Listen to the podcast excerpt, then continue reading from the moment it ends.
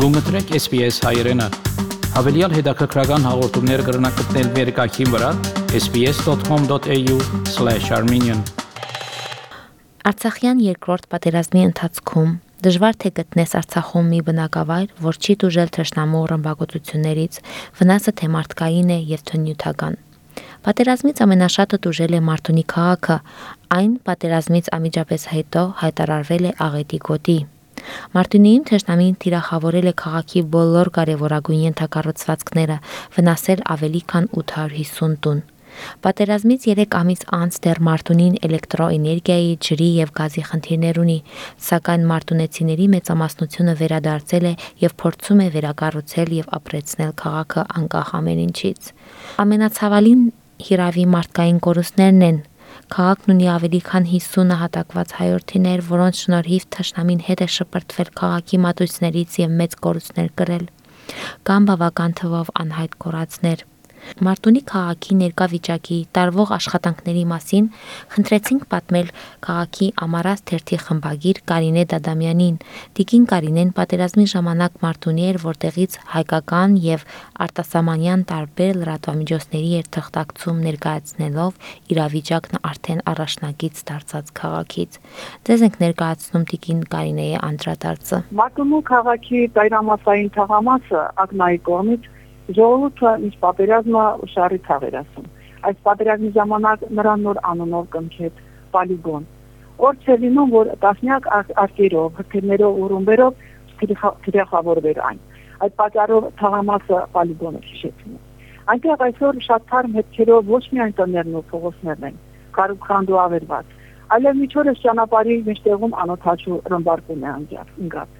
Չնայած երբ ուսումնասիրում ես մի փոքր շատ հստակ երևում է։ Մատունին ամբողջությամբ պոլիգոն էր։ Մարտադաշտը ոչ միայն Մատունու տարածքն էր ու շրջանը, Մարտադաշտը ոչ Արցախն էր, իր բոլոր բնակավայրերով։ Դերևս մարտական գործողությունների ընթացքում Մատունին սկսվել ու շարունակում է վնասված շենք շինությունների գրանցման գործընթացը։ Հիմա զուգահեռ նաև վերականգնվում են վնասները։ Բավականին մեծ դժվարությամբ։ Միայն Մարտունի քաղաքում գրանցված 950 տներից տարբեր աստիճանի վնասներ են ստացել 850 տուն։ Ինչպես նաև բոլոր վարչական, բազմաբնակարան, երկու դպրոցական, ուսումնարանի, մարզահամալիրի, երկու մանկապարտեզի շենքերը, մշակույթի պալատը, մարզահամալիրը, նորակառույց մարզադաշտը, ենթակառուցվածքները, ճանապարհները, ամեն ինչ։ Կան շատ բնակարաններ, որոնք հիմնովին ավերվել են։ Կարելի ասել քաղաքի զգալի մասն ավերակների է վերածվել։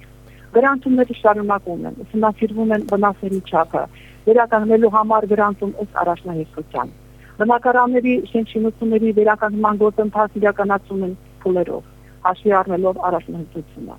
Շինարարական աշխատանքներում ընդգրկված են շինարարական ընկերություններ եւ կազմակերպություններ Հայաստանի Հանրապետությունից եւ Արցախի Հանրապետությունից։ Մատունին Արցախի ամենադժվար բնակավայրն է, որը շնամու կողմից թիրախավորվել է մարտական գործողությունների հենց առաջին ծարգերով, ու որի ավերումը շարունակվել է միջև պատերազմի վերջին պահը։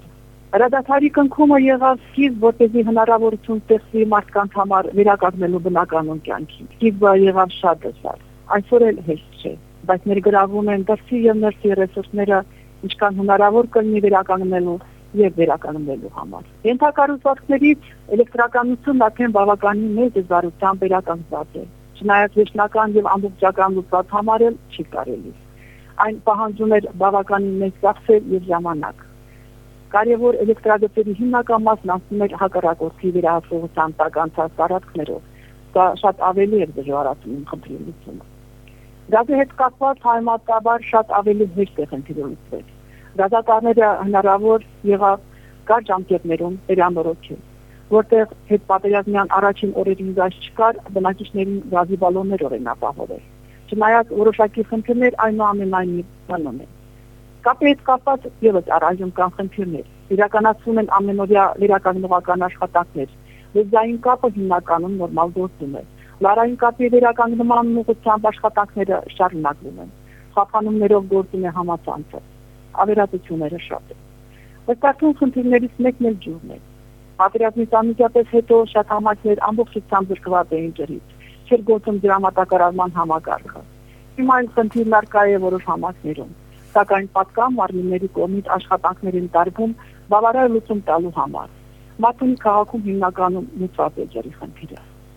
Ասեմ, որ ենթակառուցվածքների վերականգնման ուղղությամբ աշխատանքներն ընթանում էին նաև մարտական գործողությունների ընթացքում։ Շատ դեպքում հրթիռների, արկերի, ռումբերի տարափի տակ։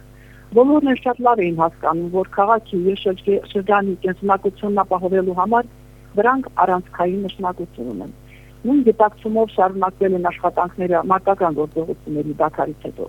շարունակվում են նաև հիմա։ Քաղաքում շատ են քանդված ու անմխիթար վիճակում գտնվող փողոցները, որոնք վերականգնվելու եւ բարեկացվելու կարիք ունեն։ Ըստի այս ուղղությամբ նույնպես քայլեր են արվում։ Հնարավոր ամեն ինչ արվում է առանցանի մնացած մեր քաղաքացիներին ժամանակավոր կասարաններով ապահովելու համար։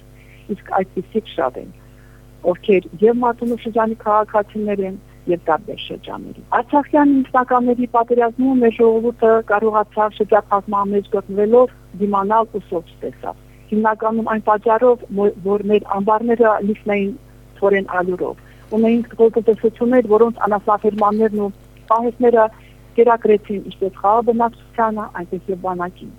Այսօր այլ է իրավիճակը եւ ավելի քան կարեւոր է սեփական արտադրանքն ունենալը։ Այս տրամաբանության պետական աջակցությամբ շրջանի հողօգտագործողներն ակտիվորեն շարունակում են մշակել ցանկատարածքները։ Շատ դեպքում հենց հակառակորդի նշանառության տակ։ Մենք ամեն ինչի ականատեսն ենք եղել։ Կորցրել ենք ուսարի ծանրության ճշմարտ տակ տնդացել, քարացել։ Պատերազմական 44 օրը շրջադարձային ու օբերգալի հետևանքներ ունեցան։ Այսօր բոլոր կողմերի սամը վնասներ կրած Մարտունի քաղաքը եւ Մարտունի շրջանը փորձում է շփվել։ Փորձում է դառնալ բնականon կյանքի ինչքան հաջողվում դժվար է գնահատական տալ։ Շրջանի վեց բնակավայր անցել է հակառակորդի վերահսկողության տակ։ Սա ահավոր մեծ ցավ է, բայց այն որ առաջ պիտի շարժենք պահպանենք մեր ունեցածը միանշանակ ընդունում են բոլորը։ Շրջվաճակացում եւ քաղաքապետարանում հաշվառվում են տեղահանված ընտանիքները։ Անօթևա մնացած բնակիչներին ժամանակավոր կատարանով ապահովելու նպատակով Շրջանի գյուղերում շարունակում է թափուր բնակարանների եւ տների գրասման գործընթացը։ Ստեղծված իրավիճակի հետ կապված ուսումնասիրությունները եւս շարունակվում են։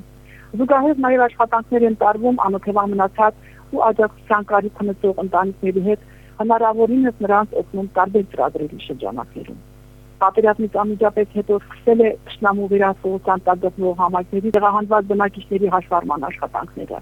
Հստակեցվել է նշված բնակչության գտնվելու վայրը իրականացում է վնասների գրասման գործընթացը, որ սկսել է հենց մարտական գործողությունների ընթացքում։ Շրջանում գրանցված են նաև տեղահանված քաղաքացիներ տարբեր շրջաններից, որոնց հետ եւս անհրաժեշտ աշխատանքներ են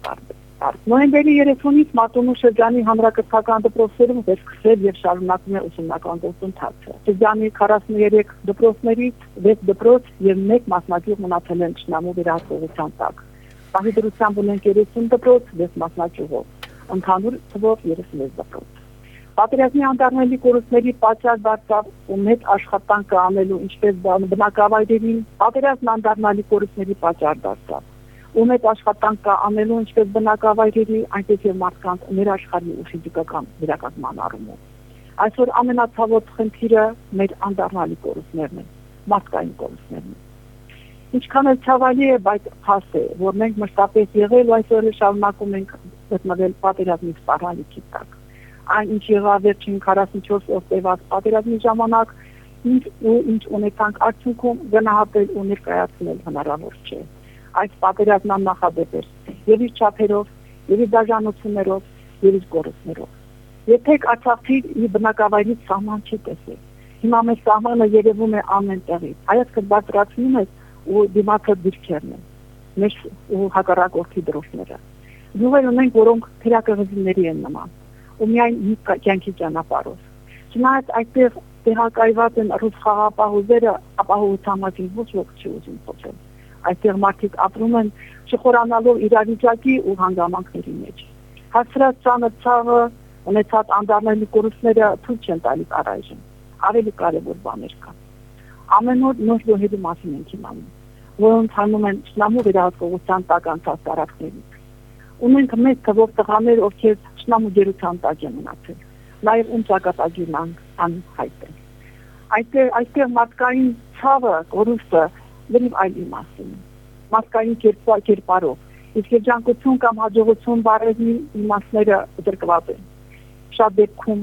իմաստը դրկված են։ Այսօր սակայն շարունակում են ամուսնանալ մեր երիտասարդ եկերը առանց զուռնադահոլի, արտասուք աչքերում, մեղքի զգացումով։ Այդտեղ ցավն անասելի ուժեղ է ու բթացնող։ Ու երբերը փթուլանա դժվար է ասել։